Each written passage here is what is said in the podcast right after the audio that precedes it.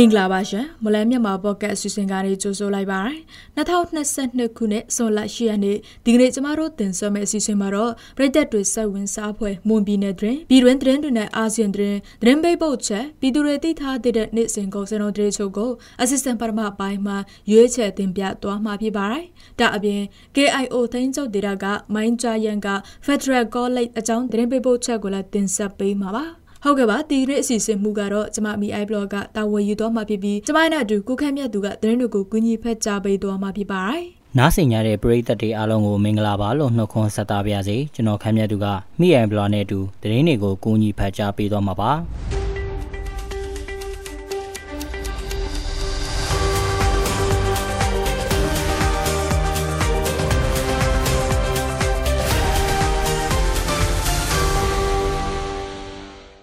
လမြိုင်မြို့နယ်အတွင်း73စီအယောင်ဆိုင်တွေခွဲတန်းစနစ်နဲ့စတင်ရောင်းချနေပြီလို့သိရပါတယ်။73စီပြက်လက်နိုင်တဲ့အနေအထားမရှိသေးပေမဲ့ခွဲတန်းစနစ်နဲ့ရောင်းချနေရတာလို့73စီအယောင်ဆိုင်တာဝန်ရှိသူတို့ကပြောပါတယ်။ဆိုင်ကယ်တွေကိုတော့လိုတလောက်ထက်ပေးနိုင်တယ်။တချို့ကားတွေကားကြီးတွေကြတော့အပြည့်ထက်ပေးဖို့ချိန်ရတာပေါ့ အပြည့်မဖြစ်ပေးနိုင်တဲ့အရက်တွေလည်းရှိတယ်။ခွဲပြီးရောင်းပေးနေရတာပေါ့လို့ဆိုပါတယ်။ဒါအပြင်မော်လမြိုင်က73စီအယောင်ဆိုင်အချို့ကလည်းနေ့တစ်ပိုင်းအထိတာစီရောင်းချပေးနေတော့တယ်လို့ဆိုင်ကယ်တက်ဆီမောင်းသူတို့ကပြောပါတယ်။စတောင်းစီဆိုင်တွေကခွဲတန်းစနစ်နဲ့ရုံးချပေးနေလို့လိုအပ်တဲ့လောက်ဝယ်မရတဲ့အပြင်အချိန်အကြာကြီးတန်းစီစောက်ဆိုင်နေရတယ်လို့သူကဆက်ပြောပါတယ်။နာဆာကကောင်စီကတော့ဆက်တုံးစီပြက်လက်မှာမဟုတ်ပဲစီတိုလောင်ကန်တွေမှာအရက်စီအခုလောက်ဝက်အထိရှိနေသေးတယ်လို့ပြောဆိုထားပါတယ်။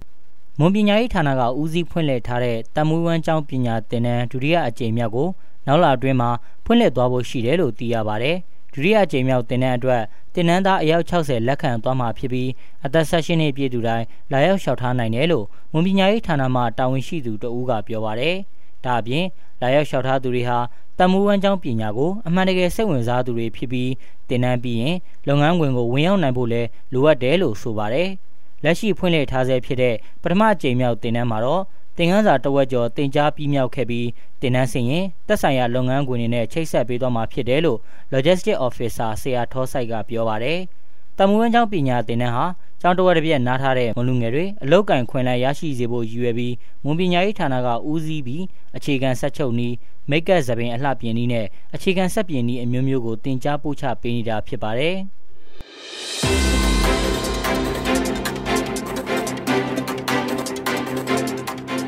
ကျွန်တော်တို့ရဲ့မွန်လိုင်းမြန်မာပေါ့ကတ်မြန်မာဘာသာအစီအစဉ်ကိုအားပေးနားတော်တာဆင်ကြတဲ့ပရိသတ်များခင်ဗျာကျွန်တော်တို့အတန်လွှင့်အစီအစဉ်ကနေပြီးတော့ဝန်ပြည်နယ်မှာဖြစ်ပျက်နေတဲ့သတင်းတွေပြည်တွင်းငြိမ်းချမ်းရေးဖြစ်စဉ်တွေအပြင်မြန်မာနိုင်ငံသတင်းနဲ့အာဆီယံသတင်းတွေကိုအပတ်စဉ်တနင်္လာနေ့ကနေတောက်ကြနေ့မှာည9:00နာရီအချိန် Mon News Agency Facebook စာမျက်နှာမှာဝင်ရောက်နားဆင်နိုင်ကြလို့မွန်လိုင်းမြန်မာပေါ့ကတ်စာမျက်နှာမှာလည်းဝင်ရောက်နားဆင်နိုင်ပါပြီအားပေးကြတဲ့ပရိသတ်များအားလုံးကိုကျေးဇူးတင်ပါတယ်ခင်ဗျာ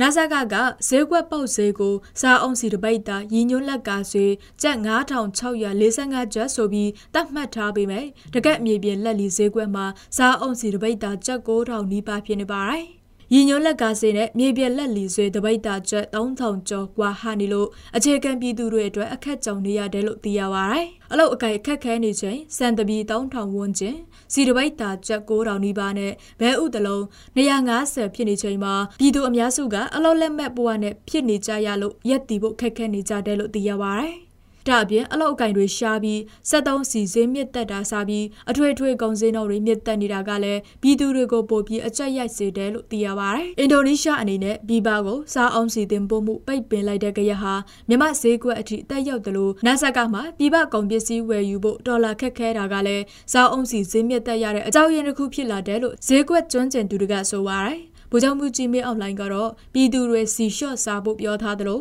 ဝန်ကြီးဌာနတွေကလည်းဒါကိုအကောင့်အထက်ဖော်တဲ့အနေနဲ့စားအောင်စီတင်တွင်းခွင့်ကိုအရင်လိုမဟုတ်ပဲကတ်သက်ထားတာကလည်းဈေးကြီးရတဲ့အကြောင်းရင်းလို့သူတို့ကဆိုပါတယ်88မျိုးဆက်ចောင်းသားကောင်းဆောင်ကိုချင်းမီနဲ့ပြည်သူ့လွှတ်တော်ကိုယ်စားလှယ်ဟောင်းကိုဖြိုးစေရတော့အပါအဝင်၄ဦးကိုတည်တံအမိန့်ချမှတ်ထားတဲ့ပေါ့ပြန်လဲလျှော့ပေါ့ပေးမှာမဟုတ်ဘူးလို့နာစကကောင်စီရဲ့ပြန်ကြားရေးတာဝန်ခံဗိုလ်ချုပ်ဇော်မင်းထွန်းကပြောပါတယ်။မနေ့က နိုင်ငံတကာသတင်းဌာနအချို့နဲ့အင်တာဗျူးမှာဗိုလ်ချုပ်ဇော်မင်းထွန်းကအခုလိုပြောခဲ့တာပါ။ American ပြင်သစ်ကကနေဒါနဲ့ဥရောပသမဂ္ဂတို့အပါအဝင်နိုင်ငံတကာအတိုင်းအဝိုင်းကနာဆာကရဲ့တည်တံချမှတ်တဲ့အပေါ်ပြင်းထန်တဲ့ကန့်ကွက်ရှုတ်ချမှုတွေပြုလုပ်ထားပါတယ်။အဲဒီလိုကန့်ကွက်မှုတွေရှိနေပေမဲ့တည်တံအမိန့်ကိုတက်ညာပေးမှာမဟုတ်ဘူးလို့ဗိုလ်ချုပ်စော်မင်းထွန်းကထပ်မံပြောဆိုခဲ့တာဖြစ်ပြီးအဲ့ဒီတည်တံအမိန့်ပေးခံထားရတဲ့ကိုဖြိုးစရာတော်တို့လေးဦးနဲ့ပတ်သက်လို့အကျဉ်းဦးစီးဌာနကိုလွှဲပေးပြီးဖြစ်တယ်လို့လည်းပြောခဲ့တာဖြစ်ပါတယ်။ ကိုချင်းမီကိုဖြိုးစရာတော်တို့ဟာ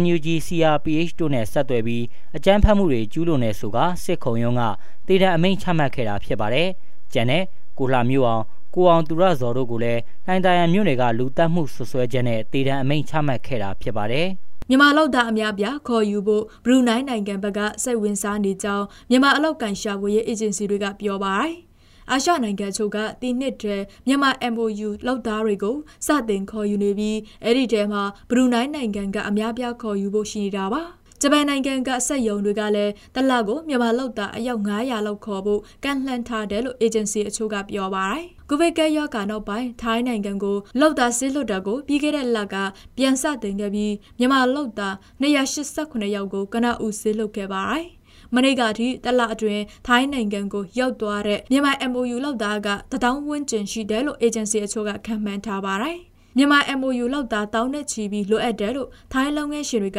သူတို့အစိုးရကိုပြောခဲ့ပေမဲ့လက်ရှိမှာကိုဗစ်ရောဂါကတ်သက်ချက်တွေရှိနေဆဲဖြစ်လို့လုပ်ငန်းကြက်ကြမှုတွေတော့ရှိပါတယ်။နိုင်ငံအလိုက်နှစ်နိုင်ငံသဘောတူစာချုပ်လွှာ MOU နဲ့မြန်မာလောက်သားစစ်လွတ်နိုင်ဖို့အတွက်မြန်မာအလုပ်သမားရေးဌာနကလက်ရှိခွင့်ပြုထားတဲ့အလောက်ကန်ရှာဝေးရေးအင်ဂျင်စီပေါင်း182ခုရှိပါတယ်။မြန်မာပြည်ရဲ့စီးပွားရေးကကျဆင်းနေပြီးအိန္ဒိချွန်းထိုင်းနိုင်ငံဘက်ကိုတရားမဝင်အလုပ်သွားလုပ်သူတွေကတပြေးပြေးများလာပါတယ်။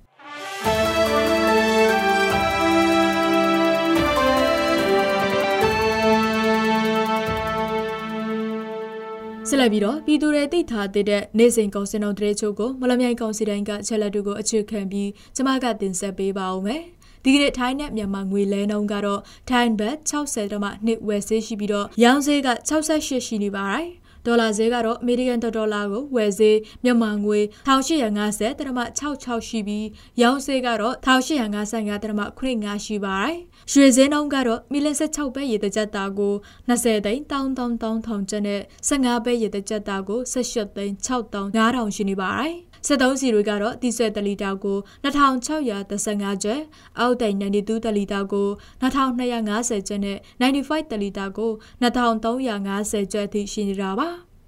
ရောဘာစိနှုံးမှာအကောင်ဆုံးကတော့နီလန်လွတ်တပေါင်းကို1230ကျပ်ရှိပါတယ်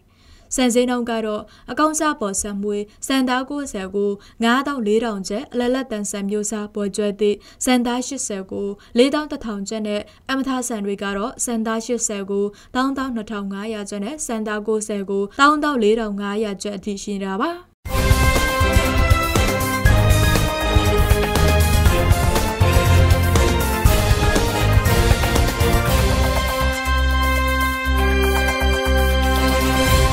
အခုတင်ဆက်ပေးသွားခဲ့တာကအစုံလက်ရှိရနေမှာဖြစ်ပျက်ခဲ့တဲ့မွန်ပြည်နယ်တွင်ပြည်တွင်းသတင်းနဲ့အာဇန်တင်းတွေပြင်တနိတာစီစေးငွေစေးနဲ့ကောင်စင်းတို့တွေကိုတင်ဆက်ပေးသွားခဲ့တာဖြစ်ပါတယ်။ဆက်လက်ပြီးတော့ KIO သိန်းကျောက်ဒေတာကမိုင်းကြားရန်က Federal College အကြောင်းသတင်းပေးပို့ချက်ကိုစတောင်းနုံကတင်ဆက်ပေးပါမယ်ရှင်။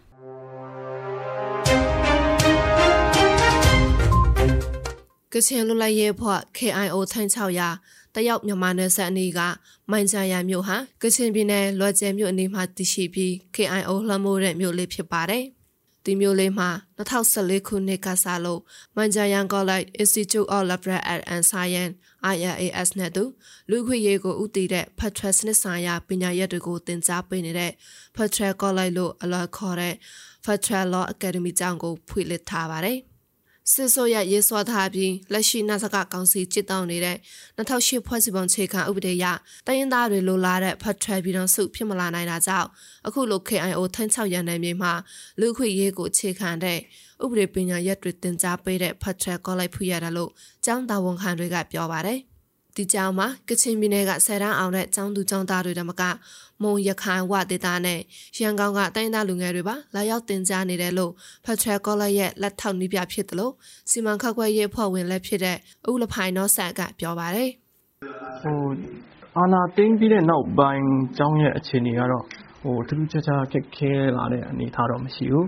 ဟိုကျောင်းကိုလာရောက်မဲ့အဲကျောင်းသူကျောင်းသားတချို့တွေကတော့ဒါခရီးသွားလာမှုစုံတရာအကန့်အသတ်တချို့တော့ရှိလာတယ် ဆိုတော့ဒီဘက်မှာဟိုထူးခြားမှုတစ်ခုဖြစ်တာကတော့ဟိုပြည်တွင်းကတက္ကသိုလ်အများစုကဒါဟိုပိတ်ထားလိုက်ရတယ်ဒါတက္ကသိုလ်အသီးသီးကလည်းအာနာရှင်စနစ်ကိုဆန့်ကျင်တဲ့အနေနဲ့တို့ကလည်းဒါ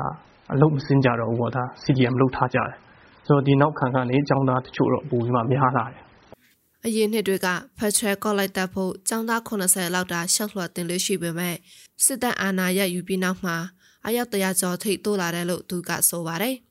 ဒီကြောင့်မှနိုင်ငံတကာလူခွင့်ရေးဆိုင်ရာဥပဒေဥပဒေစိုးမိုးရေးနဲ့ဥပဒေတိုက်ပန်နိုင်ငံတစ်ခုအတွက်အရေးကြီးတဲ့ဖွဲ့စည်းပုံခြေခံဥပဒေဖက်ထရယ်စနစ်ကုလသမဂ္ဂလူခွင့်ရေးရန်တရားပြည်မှုဆိုင်ရာဥပဒေများစတဲ့ပါဒရက်တွေပါဝင်စုစုပေါင်းပါဒရက်22ခုကိုတင် जा ပေးနေပါတယ်။ဒီကောလိုက်မှာလက်ရှိပညာသင်ကြားနေတဲ့ဒုတိယနှစ်ကျောင်းသူမှတ်ကြံပါထောကဒီကျောင်းကိုလာတက်တဲ့အတွက်မြမနိုင်ငံရေးနဲ့ဥပဒေပါဒရက်တွေကိုပိုသိလိုက်ရတယ်လို့ပြောပါတယ်။ ဒီကျောင်းကို မလာခင်တည်းဆို နိုင်ငံရေး အကြောင်းတွေရောအာဥပဒေကျောင်းတွေရောဆို ကိုကလက်လက်မမီဘူးအာတည်တဲ့အတိုင်းပဲ ကျွန်တော်တို့ဒီမြန်မာနိုင်ငံမှာလည်းဒီဒီပြည်သူလူထုတွေ နိုင်ငံသားတွေ ဥပဒေကို လက်လက်မီနိုင်အောင်လည်းအဲ့လိုမျိုး အခြေအနေတွေ ဖန်တီးထားတာ မရှိဘူးပေါ့နော်အဲ့အဲ့ဆိုတော့ဒီဟိုမှာနေတဲ့အချိန်မှာဆိုတော့ အဲ့လိုမျိုး အကြောင်းတွေကို လက်လက်မမီဘူး ဥပဒေဆိုတာတည်တော့တည်တယ် ဒါပေမဲ့ ဘယ်လိုမျိုးဆိုတာကို မသိခဲ့ဘူးပေါ့နော်ပြီးရင်ဖွဲ့စည်းပုံဆိုတာလည်းအာ ဘယ်လိုမျိုးက ဖွဲ့စည်းပုံလို့ ခေါ်လဲဆိုတာလည်း မသိခဲ့ဘူးပေါ့ဒီအကြောင်းရောက်လာပြီးနောက်ပိုင်း အဲအဲအဲအကြောင်းတွေအများကြီး လေ့လာခဲ့မှ အများကြီး သိခဲ့ပေါ့ ပြောရမယ်ဆိုတော့ဒီအာအရာထအများကြီး ပိုပိုပြောပြောတတ်လာပါတော့အဲအမျိုး အများကြီးတည်လာသူက တနင်္သာရီတိုင်း ရေဖြူမြို့နယ်က မွန်တိုင်ရင်သူလေးပါ ဒီကြောင့်မှသူအရင်ကနားလည်ထားတဲ့အလိုချက်စနစ်မျိုးမဟုတ်ပဲဆရာဆရာမတွေကဥဆောင်ပို့ချပြီးကိုယ်တိုင်လည်းလစ်လာစီပူရင်ပြန်လဲဆွေးနွေးတဲ့စနစ်ကိုခြေတောင်တယ်လို့မှကြံပါထောကဆိုပါတယ်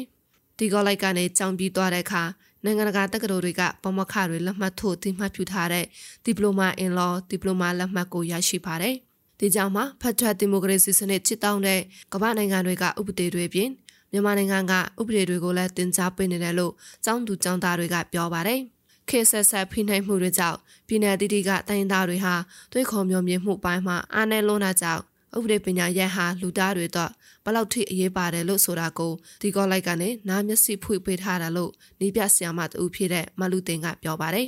ကျမတို့က အခုလောလောဆယ် ဥပဒေနဲ့ဆိုရင် အမြင်ကျဉ်းတယ်လို့ ပြောလို့ရသေးတယ်။ဒါကြောင့်မို့ ဒီနဲ့မတူညီတဲ့ ဥပဒေက ဘယ်လောက်အထိ ဖိနှိပ်မှုတွေ ခံနေရသလဲဆိုတာက ကျမတို့ တိုင်းရင်းသားအများစုတွေက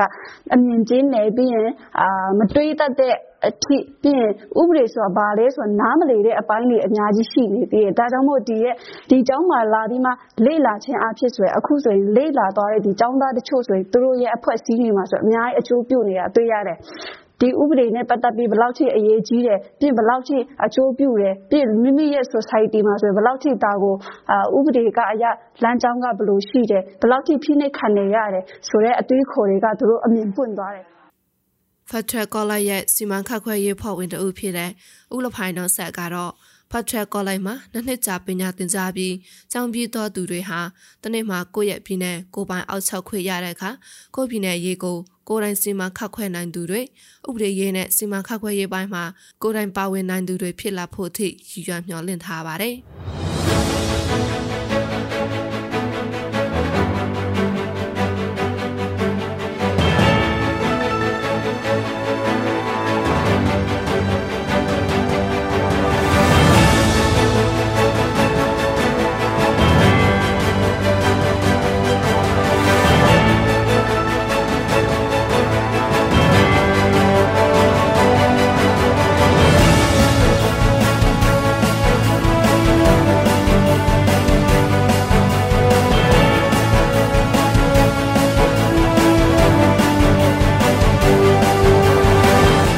ကျွန်တော်တို့ရဲ့မွန်လန်းမြန်မာပေါ့ကတ်အစီအစဉ်ဒီမှာတင်ပြီးဆုံးပါပြီ။နားဆင်ကြတဲ့ပရိသတ်တွေအားလုံးကိုနောက်နေ့အစီအစဉ်တွေမှာဆက်လက်အားပေးကြပါအောင်လို့ဖိတ်ခေါ်ရင်းအစီအစဉ်ကိုအဆုံးသတ်ပါရစေ။အားလုံးကိုကျေးဇူးတင်ပါတယ်ခင်ဗျာ။